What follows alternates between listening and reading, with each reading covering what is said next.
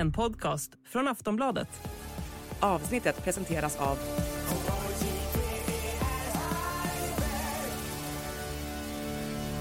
Stödlinjen.se, åldersgräns 18 år.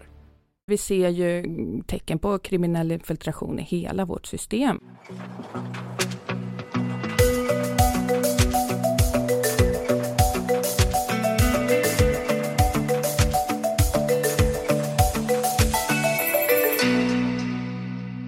Ekonomisk brottslighet omfattar ungefär 100 miljarder per år.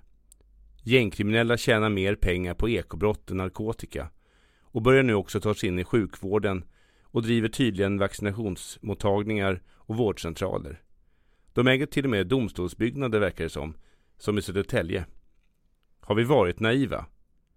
Vi ska möta och prata med Sara Persson, brottsförebyggande specialist på Ekobrottsmyndigheten i dagens avsnitt av Starta pressarna.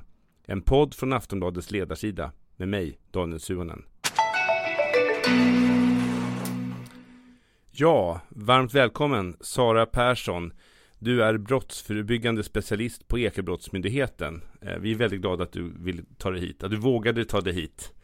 Tack så mycket, det är kul att vara här. Ja, och vi är väldigt glada liksom att du ska komma hit och liksom briefa oss och liksom introducera oss och lyssnarna till den här ibland lite torra frågan, alltså som kan te sig torr eh, om ekonomisk brottslighet och den typen av liksom korruption på svenska någonstans. Det är liksom blanketternas eh, kriminalitet.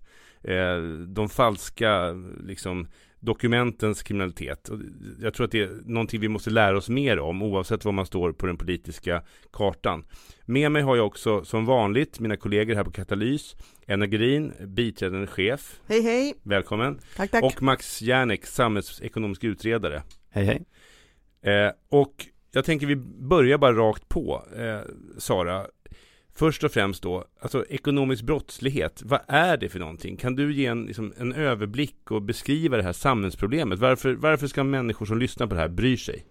Men den ekonomiska brottsligheten är ju ofta ett sätt att hantera brottsvinster från annan brottslighet och är själva blodomloppet i den organiserade brottsligheten.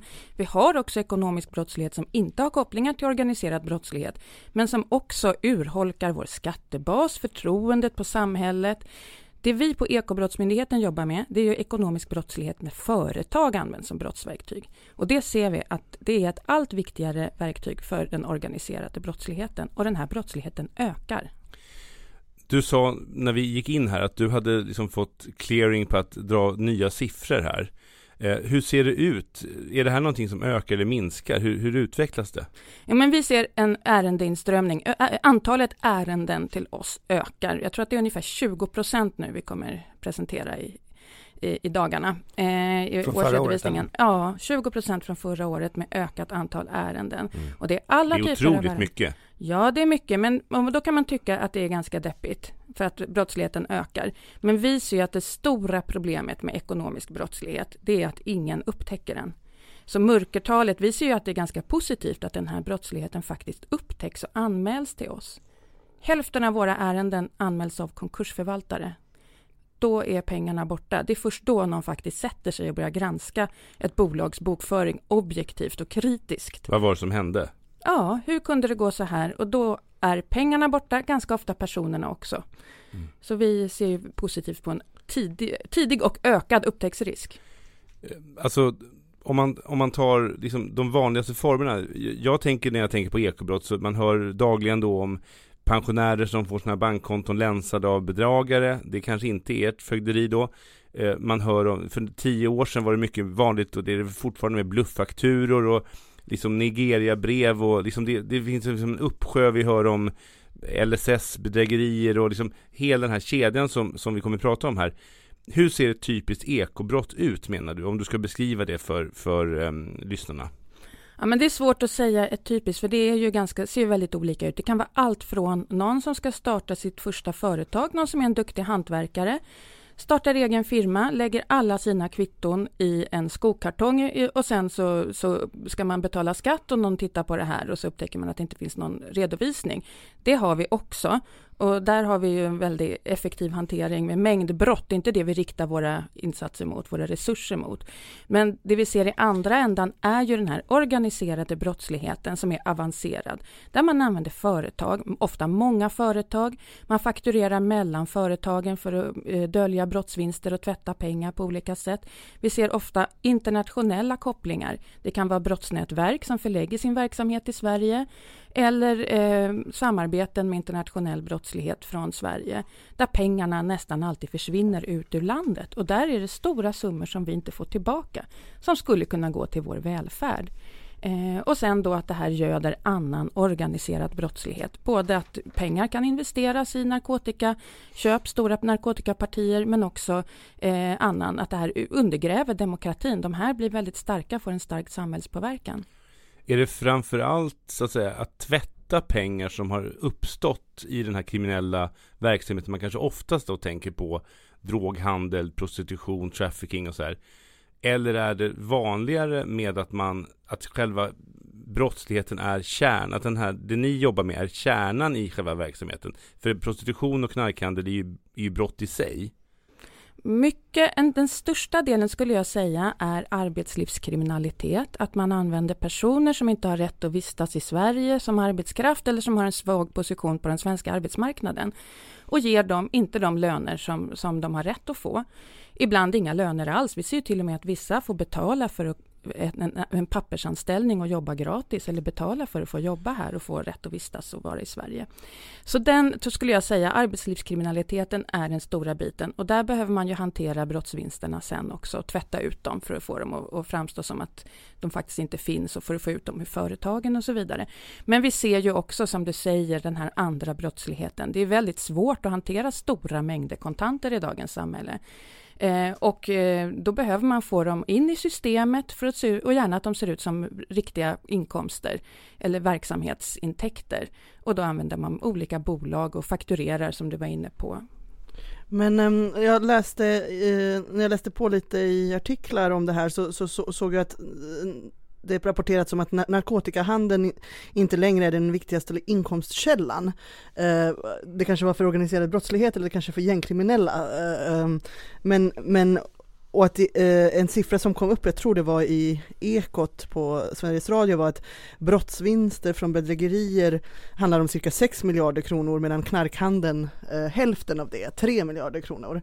Eh, är det liksom att självaste bedrägerierna är den här inkomstkällan, inte bara ett sätt att tvätta pengarna från det som Daniel nämnde, knarkhandeln och and, and, andra brott? Men de här bedrägerierna, de är ett allvarligt samhällsproblem. Absolut, du säger 5-6 miljarder. Eh, det, är, eh, det är mycket pengar, men vi kan säga att en handfull ärenden hos oss, de allra värsta, skulle komma upp i de summorna på några år. Så den kriminella ekonomin, den ekonomiska brottsligheten är betydligt, betydligt större än, än bedrägerierna som sker. Då. Det här misstänker jag är mycket mot enskilda okay. eller företag. Så det här är ju det är betydligt större. Jag tror vi våra beräkningar säger 100 till 150 miljarder omfattar den ekonomiska brottsligheten per år. Det är, det är några försvars... Det är ett, ett drygt försvar liksom. Mm. Försvaret och polisen ihop typ. Mm. Alltså, så här, ditt jobb då på Ekobrottsmyndigheten som brottsförebyggande specialist. Kan du berätta lite grann, vad gör du? Du är inte med i poddar hela tiden och kommunicerar, tänker jag. Nej, jag träffar jättemycket eh, folk som jobbar operativt mot ekonomisk brottslighet. Dels internt, vi är ju en brottsutredande myndighet. Jag jobbar med våra åklagare, våra utredare, ekorevisorer, administratörer som ser hur man begår brott, läser våra förundersökningar, våra domar, pratar med de här personerna som utreder och lagför brotten för att ta reda på hur använder man de här luckorna i systemet? Hur hittar man dem och vilka luckor i systemen använder man för att begå brott? Och sen så har vi vår egen underrättelseverksamhet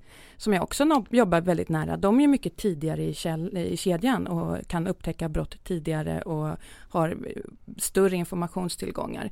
Men sen det viktigaste är kanske att träffa personer ute i, i Sverige som jobbar operativt, alltså som sitter på kommuner och försöker granska avtal och agera när de upptäcker oegentligheter eh, som jobbar mot välfärdsbrott, som är ute och tittar på hur, om vi pratar om de här eh, välfärdsbrotten mot, inom vården, de som tittar på hur hur vårdutförarna eh, redovisar sina inkomster och utgifter och ser när man begår brott.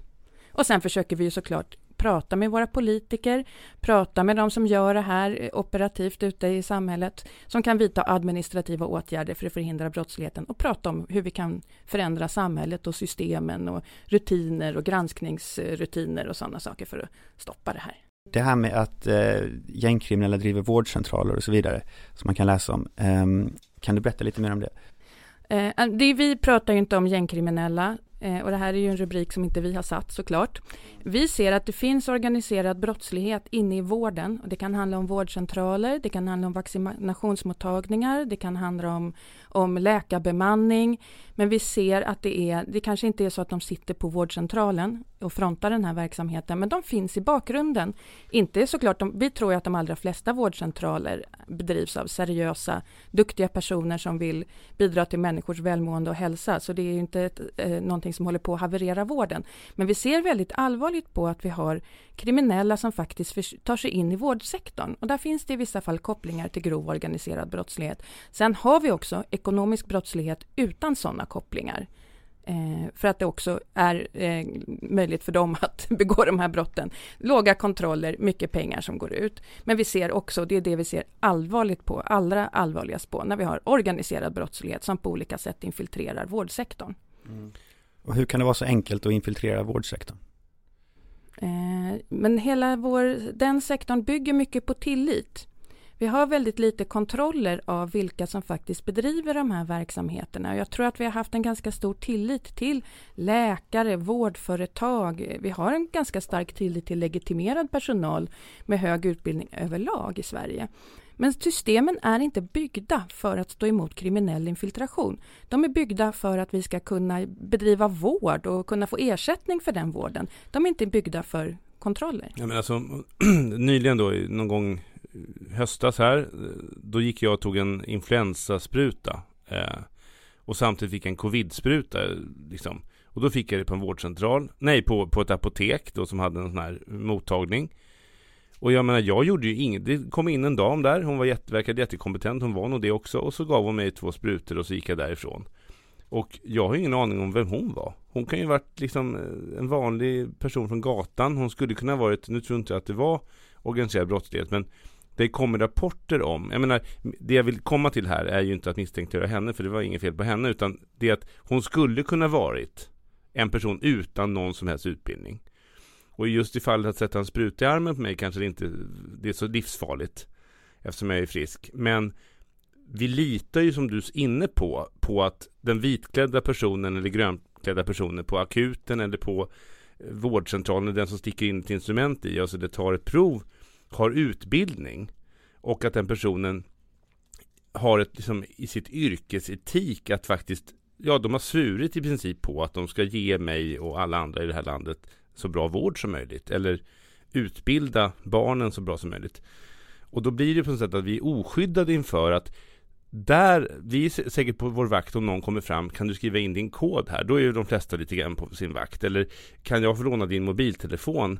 Jag måste, man är på sin vakt i vissa situationer. Man lägger inte telefonen och går på toaletten på krogen och sådär, hoppas jag. Liksom, man är på sin vakt, men man är inte på sin vakt på vårdcentralen, förskolan, Vaccinationsmottagningen. Vaccinationsmottagningen. Man är liksom bara, man tänker att det här ska funka och, och så kanske de är där. Men där tycker jag, det här är jätteviktigt, för det ska man kunna göra. Det är ett jättestort ansvar för oss som, nu jobbar jag på en myndighet, att se till att ni kan fortsätta vara trygga. Det är helt orimligt att ni ska behöva säkerställa att den personen som kommer och vaccinerar dig har eh, tillräcklig utbildning, att legitimationen, att den har en legitimation och att den är utfärdad på korrekta grunder. Där måste ju, det är inte en konsumentvalsfråga, utan det handlar om att vi måste bygga system, införa kontroller på en högre nivå i samhället så att ni faktiskt kan, kan gå till en läkare och känna att ni är trygg med att de som har förtroendet att utföra de här uppdragen ska, förtjänar det ja, förtroendet. det är en läkare liksom. Mm. Ja men jag tänkte igår kom ett pressmeddelande från Region Stockholm att man säger upp Eh, avtalet med Sveavaccin. Det har varit en skandal kring eh, det här Sveavaccin där de har skött eh, vaccinationerna då, transporter och inte hållit dem nedkylda och så så att de blir verkningslösa. Men, men då såg jag i det här pressmeddelandet att jag tänkte på det här med kontrollerna, att Region Stockholm då hade eh, påbörjat en en undersökning i januari 2024, så det är liksom förra månaden.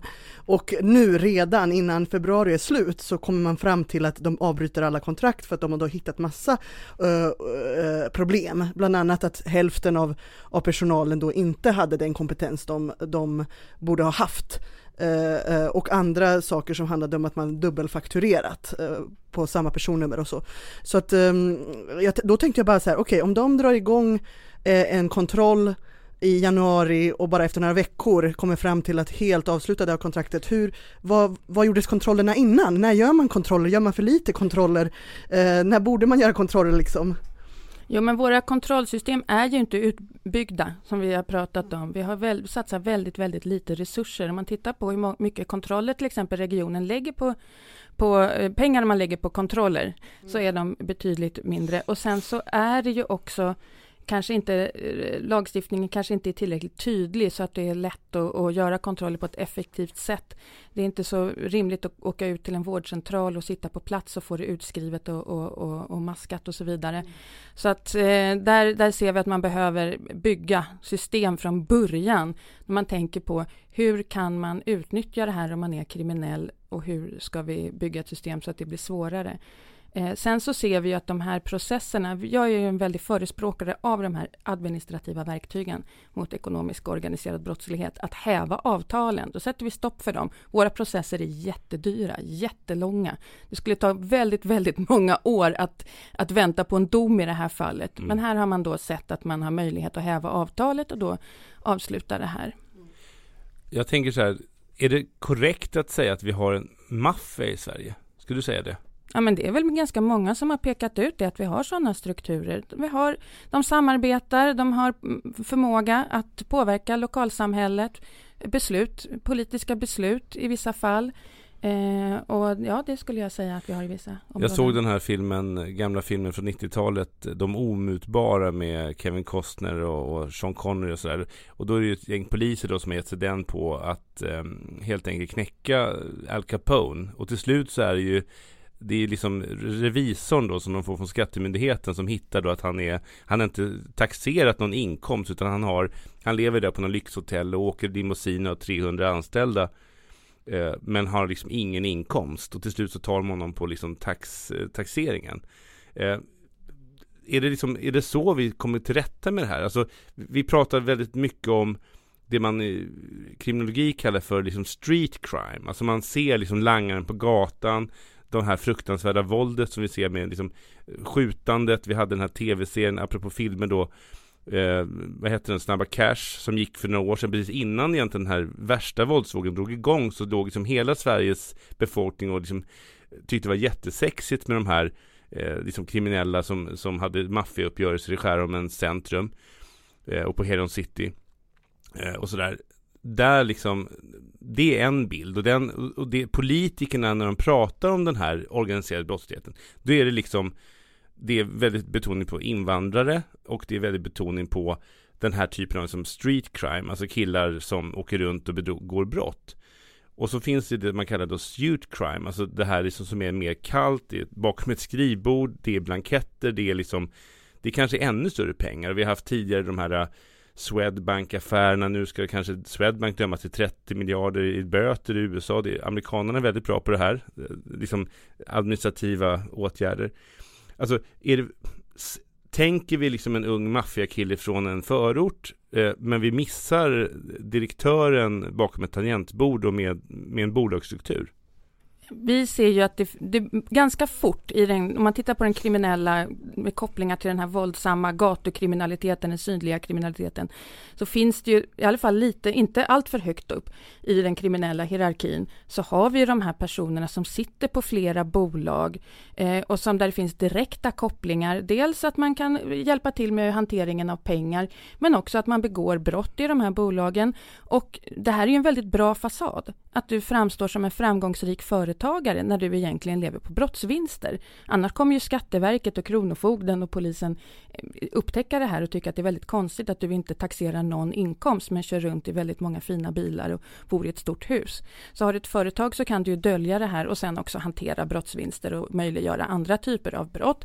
Men vi på Ekobrottsmyndigheten, vi, går, vi ser ju en, mång, alltså en ganska bred flora av, av eh, ekonomiska brottslingar. Nu har vi ju faktiskt åtalat Swedbanks förra VD, nu fick vi ju inte rätt där eh, på det sättet, men, men eh, vi går ju på all ekonomisk brottslighet, både de som sitter i de fina kostymerna, vi har ju haft de här pensionsbolagen, eh, där vi har haft framgång, eh, där det har varit väldigt, väldigt avancerade, storskaliga upplägg, där man har lurat pensionsspararna på en del av den vinst som man hade haft rätt till. Jag hade, eller har en bekant som jobbar inom Säkerhetspolisen och jag brukar skoja med honom att här har jag jobbat i 15 år mot friskolor liksom, men de enda som stänger friskolor i vårt land det är Säpo. Och det har ju då oftast egentligen inte med ekonomiska bitar att göra utan det har ju mer då att i princip då eh, friskolepengar går från Al-Qaida och det är IS-krigare som liksom är lite så här, Pengarna för nära vi har, barnen. Vi har ju också stängt, eh, man har grundat beslut på våra ekonomiska utredningar också där vi har sett att det har försvunnit massa pengar, skolpeng som man då har eh, via skentransaktioner fört ut från verksamheten. Eh, så vi har ekonomisk brottslighet som också, där är ju en risk också. Vi ser att i vissa skolor är inte, det största behovet är inte att bjud, eh, vad ska man säga, skapa en bra skolmiljö, erbjuda eh, undervisning av god kvalitet, utan det är att finansiera en annan typ av verksamhet och det är ju en jättestor risk. Det är så otroligt mycket pengar, men har man en skola med några hundra elever eller flera skolor, det blir ju många, många miljoner. Alltså det är hundratals miljoner till slut. Och det är klart att kan man ta 10% av det där eller 15% av det där, dels kan man ju anställa folk. Och det är väl det man också ser, alltså det är ett sätt att om man då har en kriminell verksamhet som är ren kriminalitet så att säga, det man tänker då knarkhandel och så vidare, som den eh, liksom ot otroligt kriminell verksamhet som alla förstår är kriminell verksamhet. Och sen har man en fasad av en framgångsrik muslimsk friskolekoncern eller kristen eller vad som helst. Eh, som liksom genererar så att där alla kan vara anställda då på pappret och ha liksom eh, schyssta löner som kan förklara firmabilen. Kanske skolan kan ha firmabilen och rektorn har en bra lön. Som, alltså, det blir ju på något sätt det är ett annat samhälle än, det man tror, de, jag tror de flesta i vårt land tror att man lever i. Att liksom, vi går runt här och där är en friskola och där är en barberarstation. Alltså en sak som jag tänkte på faktiskt, jag bor på Södermalm i Stockholm. Eh, och jag tänkte på en sak, efter, efter coronapandemin, eller under slutet av coronapandemin, då exploderade det antalet barberarsalonger på Söder. Och säkert på andra platser också. Och hamburgerrestauranger. Och jag liksom bara tänkte, ja, jag har skägg och jag går liksom någon gång i halvåret kanske, nu klipper jag mig själv, det syns ju dessvärre. Men liksom, eh, väldigt, alltså man går ganska sällan på barberarsalong, va? Jag är uppväxt i Södertälje, jag klipper mig också själv. Du klipper också själv, precis, det finns inga kvitton. Nej men liksom så här, du har inte kunnat lösa det i din liksom närmiljö. Nej men, så, nej men det jag menar är så här, och då tänkte jag så här, vi har den här otroliga debatten nu med all rätt om den här kriminaliteten och så har och det är kanske helt, o, kanske helt orättfärdigt men jag bara, jag såg kopplingen, här har man otrolig då gängkriminalitet i ena ändan. Och här sitter jag, jag går förbi tom barbersalong efter tom barbersalong efter tom barbersalong. De klipper ingen överhuvudtaget. Sitter de där så sitter de och leker med mobilspel och väntar på att någon ska komma med en eh, transport av cash som de ska fylla dagskassa med, tänker jag. tänker jag. Alltså, vem behöver dessa 1500 barbersalonger som klipper skägg och aldrig har klippt någon? Mängden hår är hårresande liten.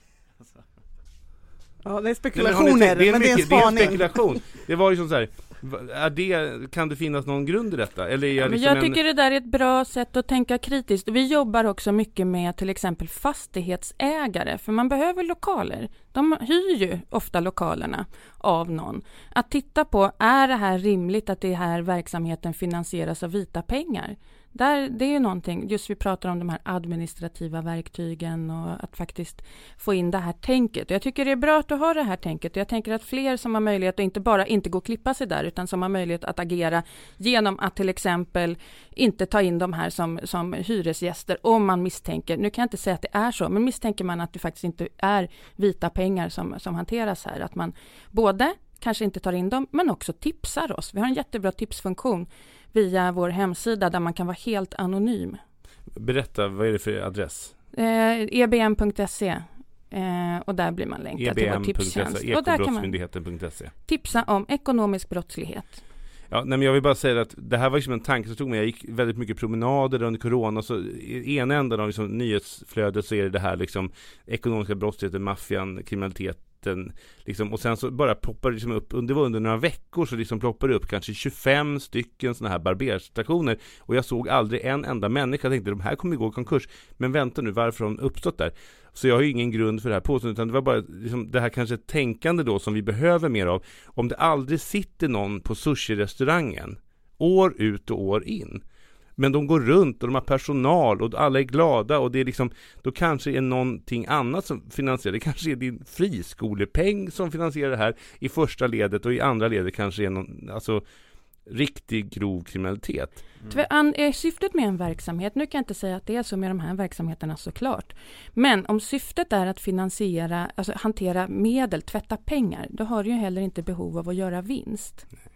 Mm. Utan det finns ett annat syfte. Och det är ju dels eh, skadligt för att vi får in eh, de här pengarna i systemet eller vi får ut dem för att betala till exempel svarta löner ser vi ett stort behov av att göra.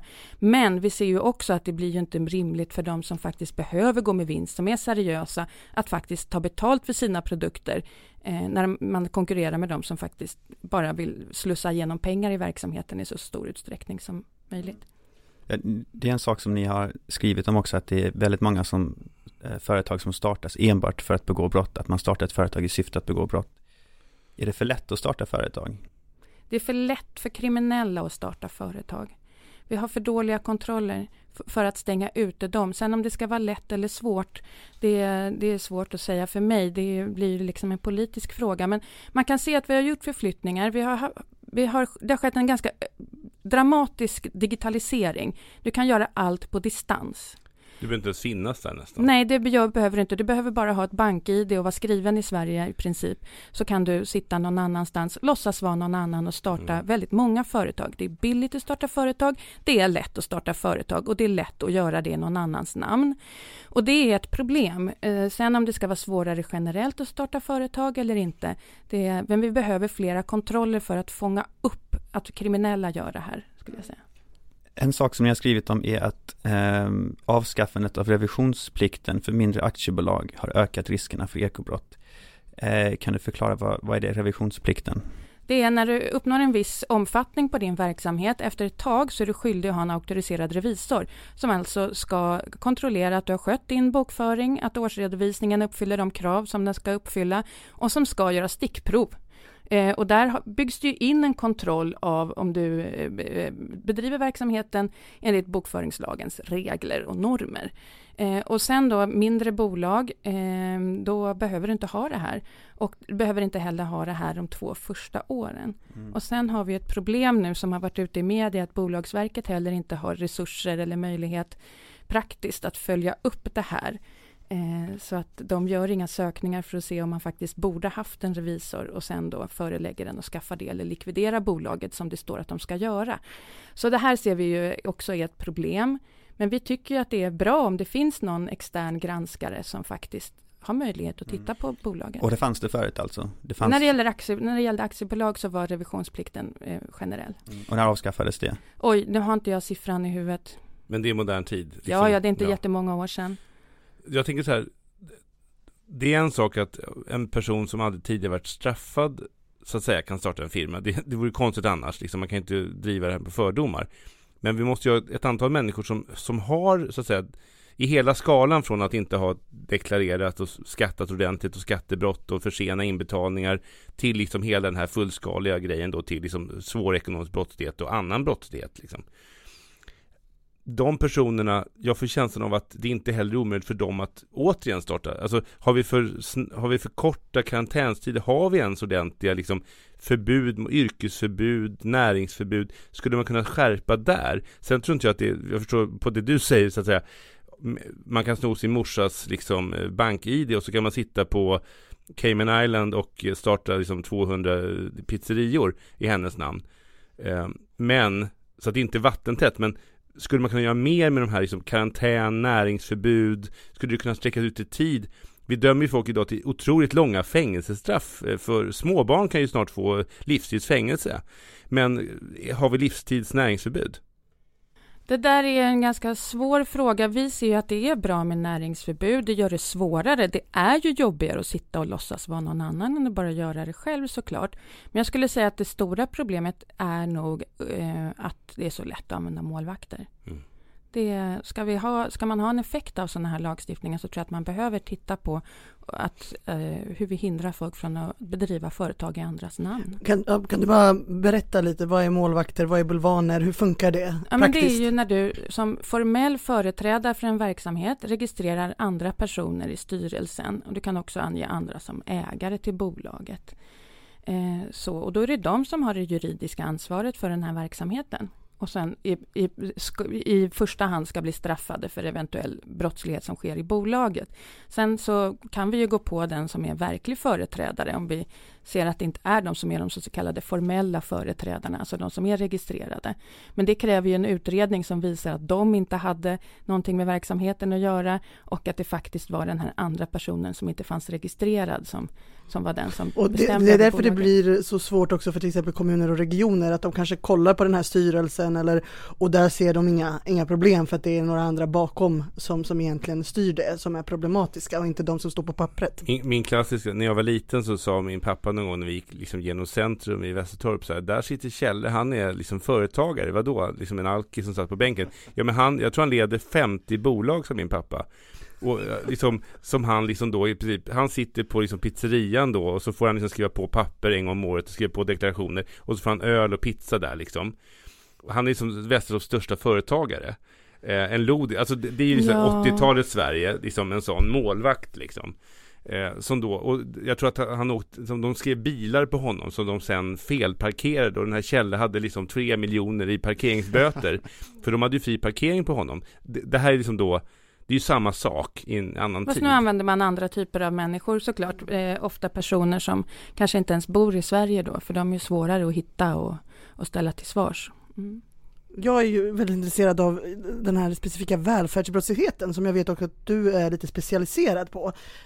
Um, och jag läste att Eh, de tre allvarligaste områdena när det gäller då organiserad brottslighet, jag tror det är ni som har definierat det på Ekobrottsmyndigheten, är välfärdsbrott, penningtvätt och momsbedrägerier. Och, ehm, och det var en BRÅ-rapport från 2022 som just pekade på stora brister då just hos kommunerna och regionerna när det gäller förmågan att, att, ehm, att upptäcka välfärdsbrotten. Och, och, och jag har hört ehm, i en annan intervju att du, du sa att det bästa liksom rådet, det bästa sättet att upptäcka brotten är att granska bolagets bokföring. Att liksom granska verksamheternas ekonomi. Det är ju liksom follow the money. Kan du berätta lite om det? Är det liksom lösningen eller är, är det huvudrådet liksom, du skulle ge? Ja, det är det. Eh, just för att upptäcka ekonomisk brottslighet. Som, som, sen kan man ju upptäcka det här också genom att det hänger ju ofta ihop med kvalitetsbrister och så vidare.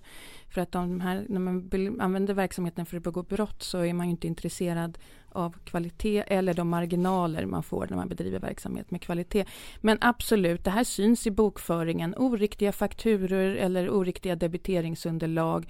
I vården kan det handla om då bristande journalföring, oriktiga uppgifter i journalerna och så vidare. Men också att man kan se det här i bokföringen på olika sätt. Och där är det ju de som granskar vården. De är ju kanske anställda för att de kan väldigt mycket om vården. De eh, kanske är läkare, sjuksköterskor och sådana saker som kan avgöra kvaliteten eller om det är en medicinskt motiverad insats eller sådana saker. Men jag tror att vi behöver komplettera, de är jätteviktiga för att granska vården, men man behöver kanske komplettera den här kompetensen med ekonomer Eh, och också när man får en ekonom som kollega, att man då tycker att det här är en jättebra resurs och gärna lyssna lite på den. Kanske kan lära sig lite av den, så kan den lära sig av eh, de andra kollegorna. För ofta så behöver man båda den här kompetensen, va, den medicinska kompetensen, och kompletterar den med den här ekonomiska kompetensen. För att det ligger i gränslandet. Man behöver veta vad borde en sån här behandling kosta? Mm. Och vad tar vi betalt för? Och hur lång tid tar den? Ja, men vi ser eh, en vinstmarginal, eh, en, en, klinik, öronklinik som man återkallade, hävde avtalet med 60 procent i vinst, tror jag det var, eller 50 procent. Det är bra. Det är väldigt svårt att göra de marginalerna om man utför de här behandlingarna. Vi kan också se att personalkostnaderna inte ökar. En tandläkarmottagning där man liksom tiofaldigar omsättningen men man har inte mer personal. Det är också sånt som är ganska orimligt. Jag tänker nätläkare måste ju vara, alltså, alltså jag tänker bara liksom så här, någon sorts outvecklad thrillerförfattare i mig, man förstörd av Netflix här.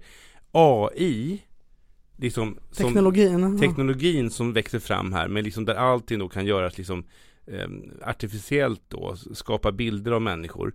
Och så har man nätläkare som får betalt för hologram. Alltså liksom kan man jag se tror en inte du behöver det. Vi är lite bekymrade över nätläkartjänsterna kan jag säga därför att den modellen är ännu mindre anpassad för kontroll och uppföljning. Mm. Eh, det är väldigt svårt att eh, se exakt hur många vårdbesök man gör och vad, vad, vad var det i de här vårdbesöken. Och dessutom så ser vi att eh, man, för att kunna bedriva nätläkartjänster så behöver du vara knuten till en vårdcentral.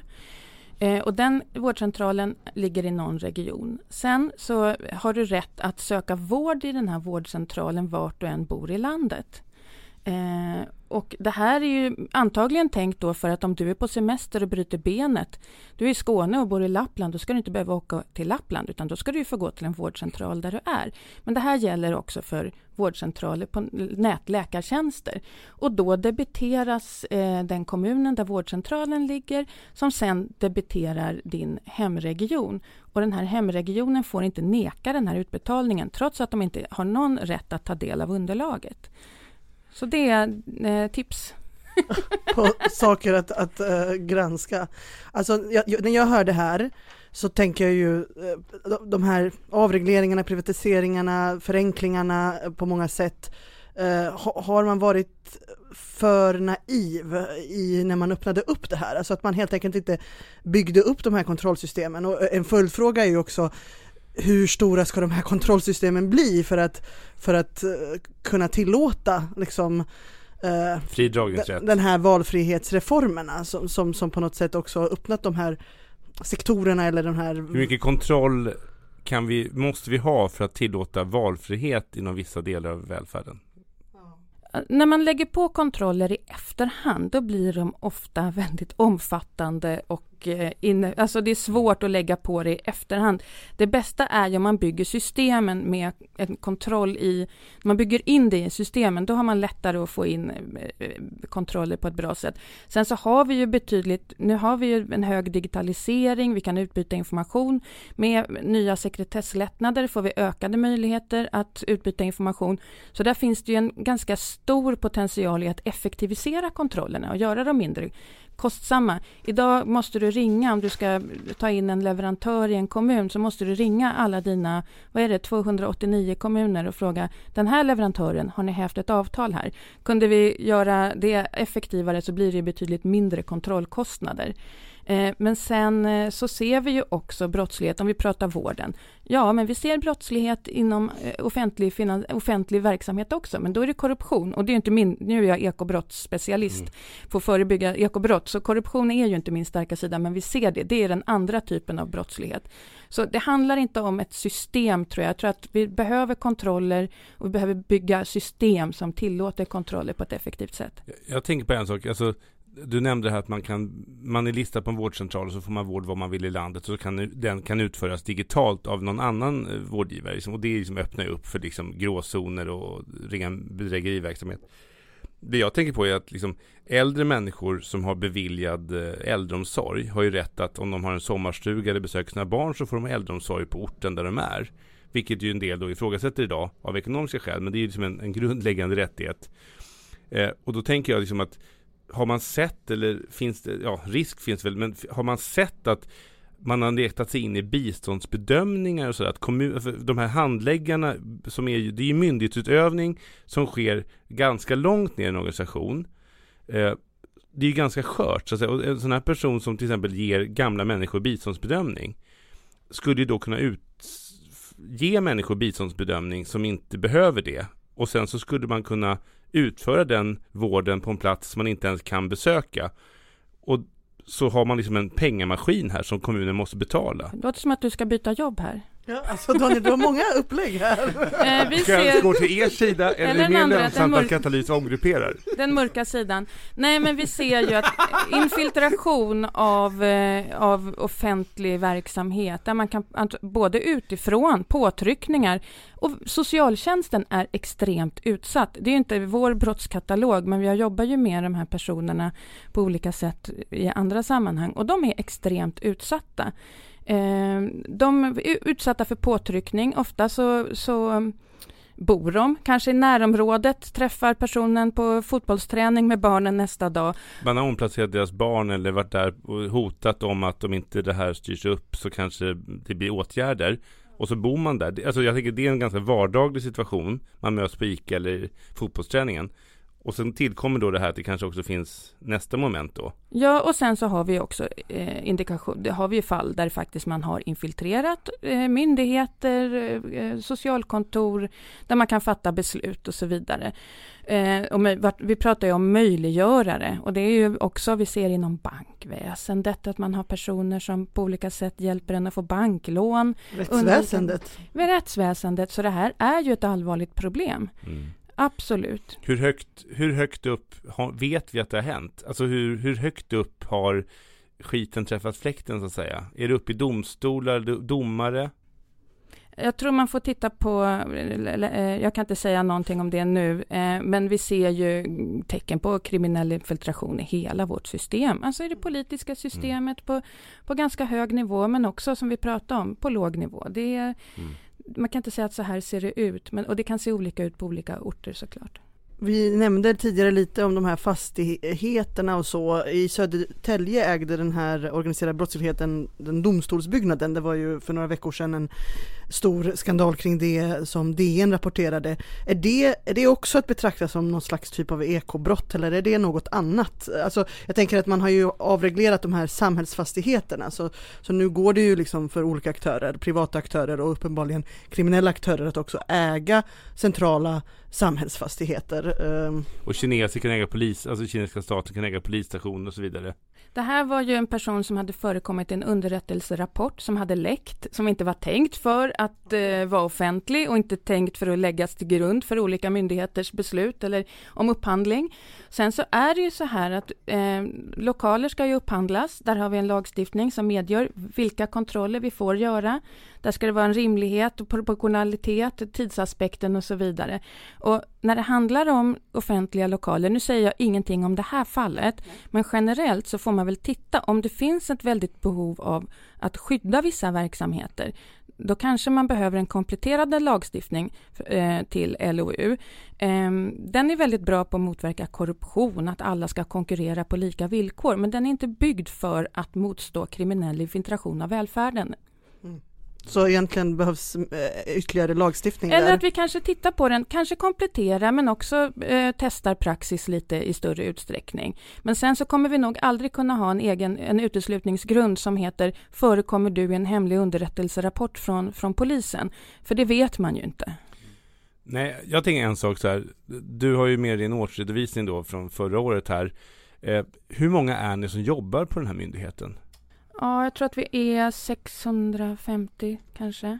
Eh, och hur mycket liksom, alltså det här är inget läxförhör utan jag menar, har ni tillräckligt med resurser? Om, om, om, om det här var ett departement, nybildade eh, rättsdepartementet för att kräva den ekonomiska brottsligheten, Lex Capone, skulle du då säga att du hade tillräckligt med resurser, ni drar benen efter er och det vore en dålig investering för samhället att ge er en miljard till?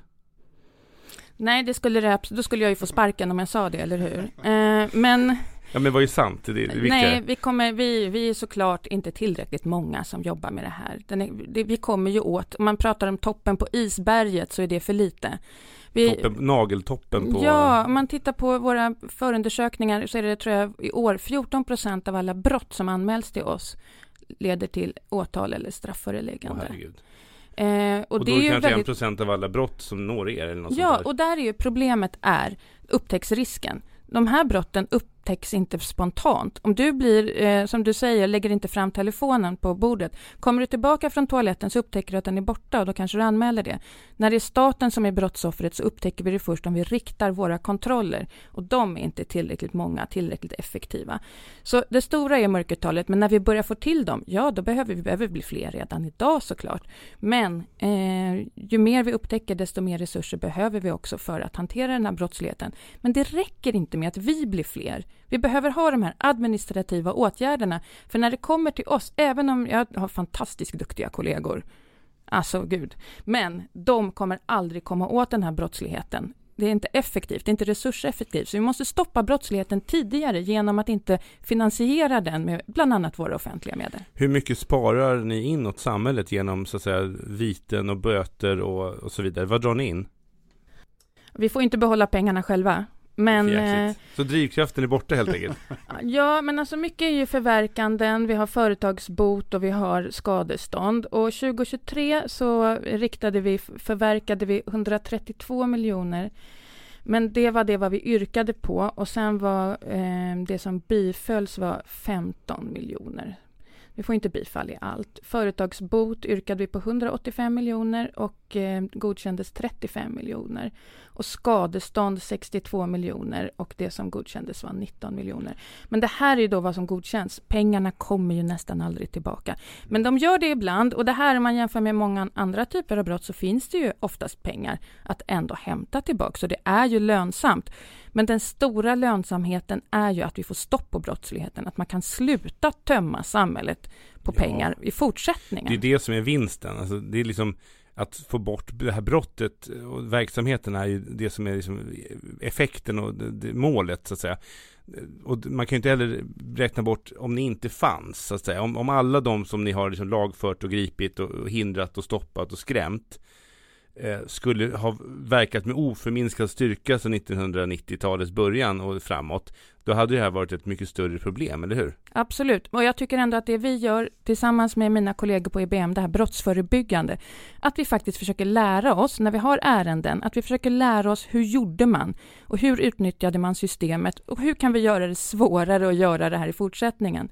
Jag har en väldigt klok kollega i Göteborg, Anna Broman, som sa i somras att ja, det största arbetsmiljöproblemet för mig, det är att jag, jag, jag älskar att utreda bort, brott. Vi hittar någon som kommer på något smart, utnyttjar systemet, vi upptäcker det, sätter dit den. Det tycker jag, det är, det är rimligt. Men att jag år efter år efter år ser att andra personer gör exakt samma sak om och om och om igen. Och vi förändrar inte systemet, vi gör det inte svårare. Så det där är ju väldigt viktigt att vi jobbar med. Vad beror det på att man inte liksom, borde ni det är det här favoritordet från myndighets-Sverige, så här, vi ska samordna oss och sådär.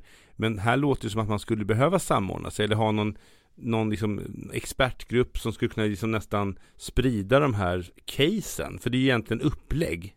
Det det. Vi har ju det, vi har ju det på EBM. En, en, ett kansli som jobbar brottsförebyggande, och vi har ju folk som jobbar brottsförebyggande ute i resten av samhället. Och vi jobbar ju tillsammans med våra kollegor, ska jag säga. Det är inte bara vi som har det uppdraget som gör det. Ja, men sådana funktioner. Och jag tycker det skulle vara bra om flera myndigheter fick ett brottsförebyggande uppdrag och jobbade på det här sättet utifrån sina erfarenheter. Och, och, men vi har en bra samverkan med många myndigheter. Jag tycker att våra politiker lyssnar på våra behov nu till exempel. När vi får fram vad vi behöver för att komma åt den här brottsligheten så får vi gehör. Det tycker jag är väldigt positivt.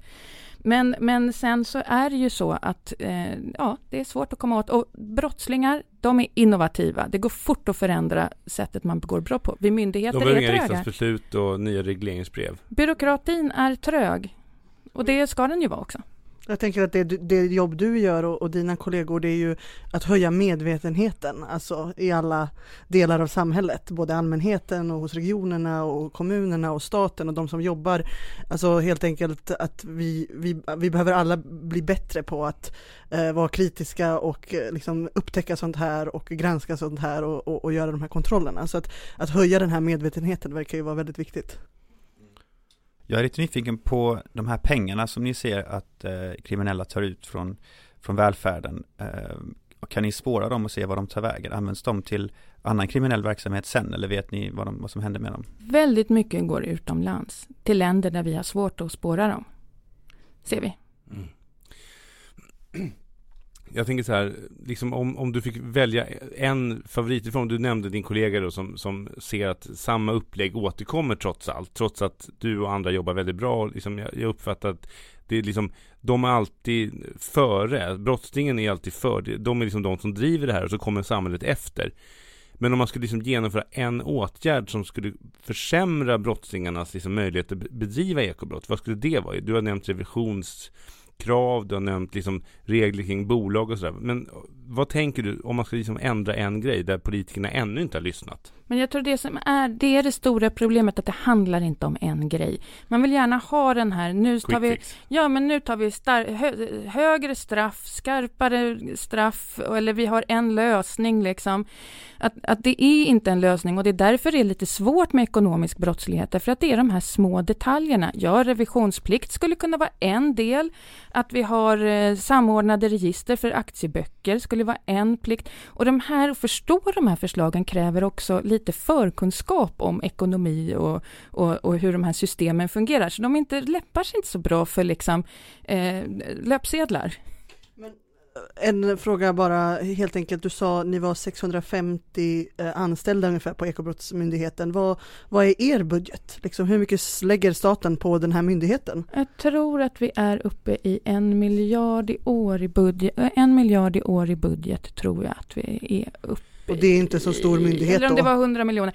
Alltså jag måste titta. Ja, ja, jag förstår. Men, men ni, det låter ganska rimligt med under tusen anställda och så brukar man säga att en anställd är en miljon. Så det, man har lite andra pengar kostnader. på oss mm. också. Det är viktigt att säga att man ser att det här är en nyckelfaktor för att komma åt den ekonomiska men också organiserade brottsligheten i stort. Men, men då säger du också att potentialen här, det är 150 miljarder, liksom nämnde du i bedrägerier och liksom ekobrott. Så det finns ju en potential att hämta hem större summor. Jag gissar att ni också har kontakter med eh, andra myndigheter som drar in pengar som, vad fan heter det, det här när man hämtar hem Kronofogden? Alltså, att jag gissar att ni också samarbetar med typ Kronofogdemyndigheter, att det här hänger ihop med att man har skatteskulder och, och så vidare, hyresskulder, att liksom så att era siffror gissar jag är ganska underskattade om man tänker att ni är en del av ett av en så att säga en, en snara som dras åt kring en kring en eh, verksamhet så kanske pengarna också dyker upp hos Kronofogden eller hos Skatteverket eller någon annanstans. Absolut, vi samarbetar jättemycket med andra myndigheter. Vi har ju, jobbar ju med Skatteverket och vi har till och med skattebrottsutredare som inlånas till oss och sitter hos oss och jobbar med vissa skattebrott. Så där har vi en bra samverkan och sen ser vi väldigt positivt på det här med att polisen nu ska satsa mot den kriminella ekonomin och öka sin förmåga att agera mot lite den. Lite Al Capone-krig alltså? Absolut, de brukar ju kalla det här Al Capone-metoden hos oss för att göra det lite tuffare kanske med ekobrott. Söker ni folk nu eller? Jag tycker att det är väldigt tufft med ekobrott. Eh, vi söker folk, alltid. Skulle man kunna minska ekobrotten genom att rulla tillbaka en del av privatiseringarna och göra så att staten själv tar hand om sjukvård och skolor och så vidare? Det är svårt att säga, det är ju väldigt hypotetiskt. Men som jag sa, vi ser ju e brottsligheten ser ut på det här sättet för att vi har det här systemet. Vi ser ju också annan typ av brottslighet där folk berikar sig på allmänna medel i offentlig verksamhet. Så det är svårt att säga om den totala eh, ekonomiska pengarna skulle, om det skulle bli mindre pengar som gick ut felaktigt helt enkelt om vi hade ett annat system. Det är en politisk fråga. Jag kan, ja, jag kan det här systemet med ekobrott och när man använder företag som brottsverktyg. Annars får ni prata med en forskare i nationalekonomi eller statsvetenskap tror jag. Jag tänker, hur, har ni någon koll på de här, liksom, hur de här, liksom, hur, hur sprids kunskapen på den andra sidan om de här, om, om ekobrott? Vi har ju de dragit några upplägg här. De är jättebra på det. De är jätte, alltså man pratar, man pratar narkotikamarknader och sådana saker, då pratar man ju mycket om konkurrens och territorium. Men när det gäller ekonomisk brottslighet ser vi att det finns en väldig samarbetsvilja. Vi har ju experter som mer eller mindre säljer brottsupplägg, fungerar som experter inom vissa rådgivande funktioner för att och, och visa de här uppläggen. Också att man mer eller mindre säljer brottsupplägg till, alltså crime as a service till eh, organiserad brottslighet. Så det här är kunskapsspridningen är väldigt god. Det är som konsulter fast inom den organiserade... Ja. Äh... Är de inte också ibland konsulter? Att det är riktiga konsulter? Alltså jag tänker så här, liksom konsultmarknaden, revisionsmarknaden, Alltså jag har ägnat en del tankekraft åt det här med skattebrott, alltså hur man liksom ska komma till rätta med de enorma summorna som, som drivs ut ur landet och eh, vi har liksom en enorm liksom global skattebrottslighet och man smiter undan skatt. Och då är ju väldigt mycket liksom revisionsbyråer och advokater och, skattetekniker de, är ju, de har en skylt utåt mot gatan där man är, alltså det här är ju helt rimliga firmer som är helt lagliga och det är liksom fina firmanamn. Men det de egentligen gör längst där inne är ju att ofta då hjälpa företag och rika människor och ibland också kanske kriminella att komma undan skatt. Alltså då är man kanske inte, då är man inne i ekobrott i någon sorts gråzon och kanske på gränsen till en vit zon på gränsen. Alltså men ser ni problem liksom med den här fria, alltså revision, att det, att det också är privatiserat? Skulle man kunna komma till rätta med det på något sätt? Jag tror det, det finns ju ett problem i att den som är revisor har ett eh, affärsförhållande. Den säljer ju en tjänst till den som den ska granska. Sen har inte jag förslag på hur det skulle se ut istället. Och jag tror att det var Bankföreningen som la fram en, en förslag här i förra veckan på eh, att auktorisera redovisningskonsulter, att man ska behöva auktorisation där för att få bedriva redovisningskonsultfirma. För där finns det ju idag inte samma tillsyn och, och eh, kvalificeringssystem som för revisorer. Så ja, det är de här, system, de, är de här frågorna som man inte får upp på en, en löpsedel, liksom, som är jätteviktiga och jättebra. Men absolut, och det är ju kontrollera de här, kontrollera kontrollanterna. Jag tänker på en sak, bara en nästan sista fråga då innan vi stänger kiosken här. Eh, det är de kopplingar till liksom arbetslivskriminalitet och så. Jag uppfattar alltid att liksom facken och inte minst de som faktiskt betalar våra löner här, vi som sitter här på Katalys och gör den här podden. Byggnads, elektrikerna, målarna och Seko, elektriker, fastighets och så.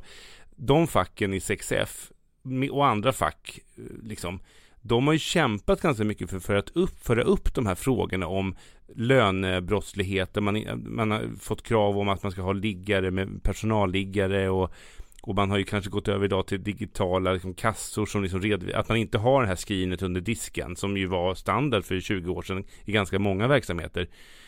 Eh, alltså Tyck, har facket tagit ett tillräckligt stort ansvar? Finns det mer att göra? Jag menar, de gör ju det här för att skydda sina medlemmar och de som jobbar, de gör ju det. De är inte experter på ekobrott, men de kanske håller på att bli det nästan har, gör facket nytta här? Borde de göra mer? Ja, men jag tycker fackföreningarna, vi ser att kollektivavtal är en bra, bra åtgärd och att man kanske kan ställa krav på det också när man upphandlar. Då får man ju mycket gratis.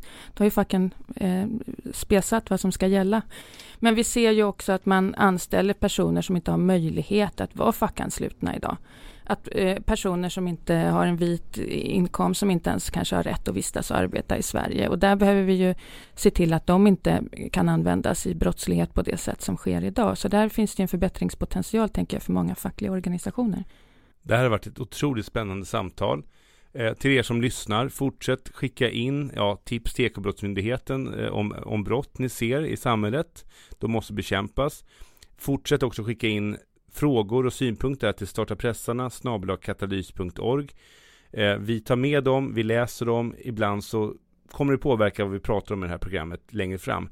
Jättestort tack till dig Sara Persson. Den här timmen gick snabbt.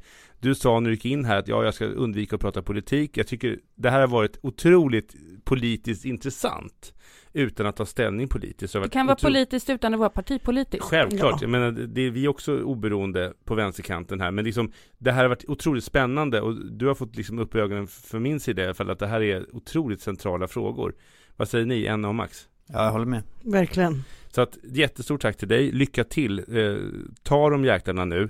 Ni har lyssnat till Starta pressarna, en podd med mig och mina kollegor på Katalys. Jag heter Daniel Suonen.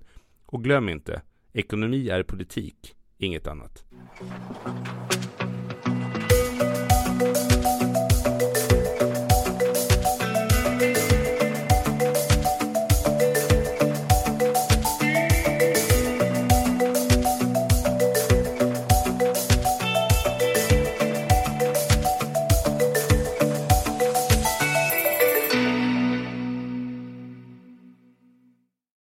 Du har lyssnat på en podcast från Aftonbladet.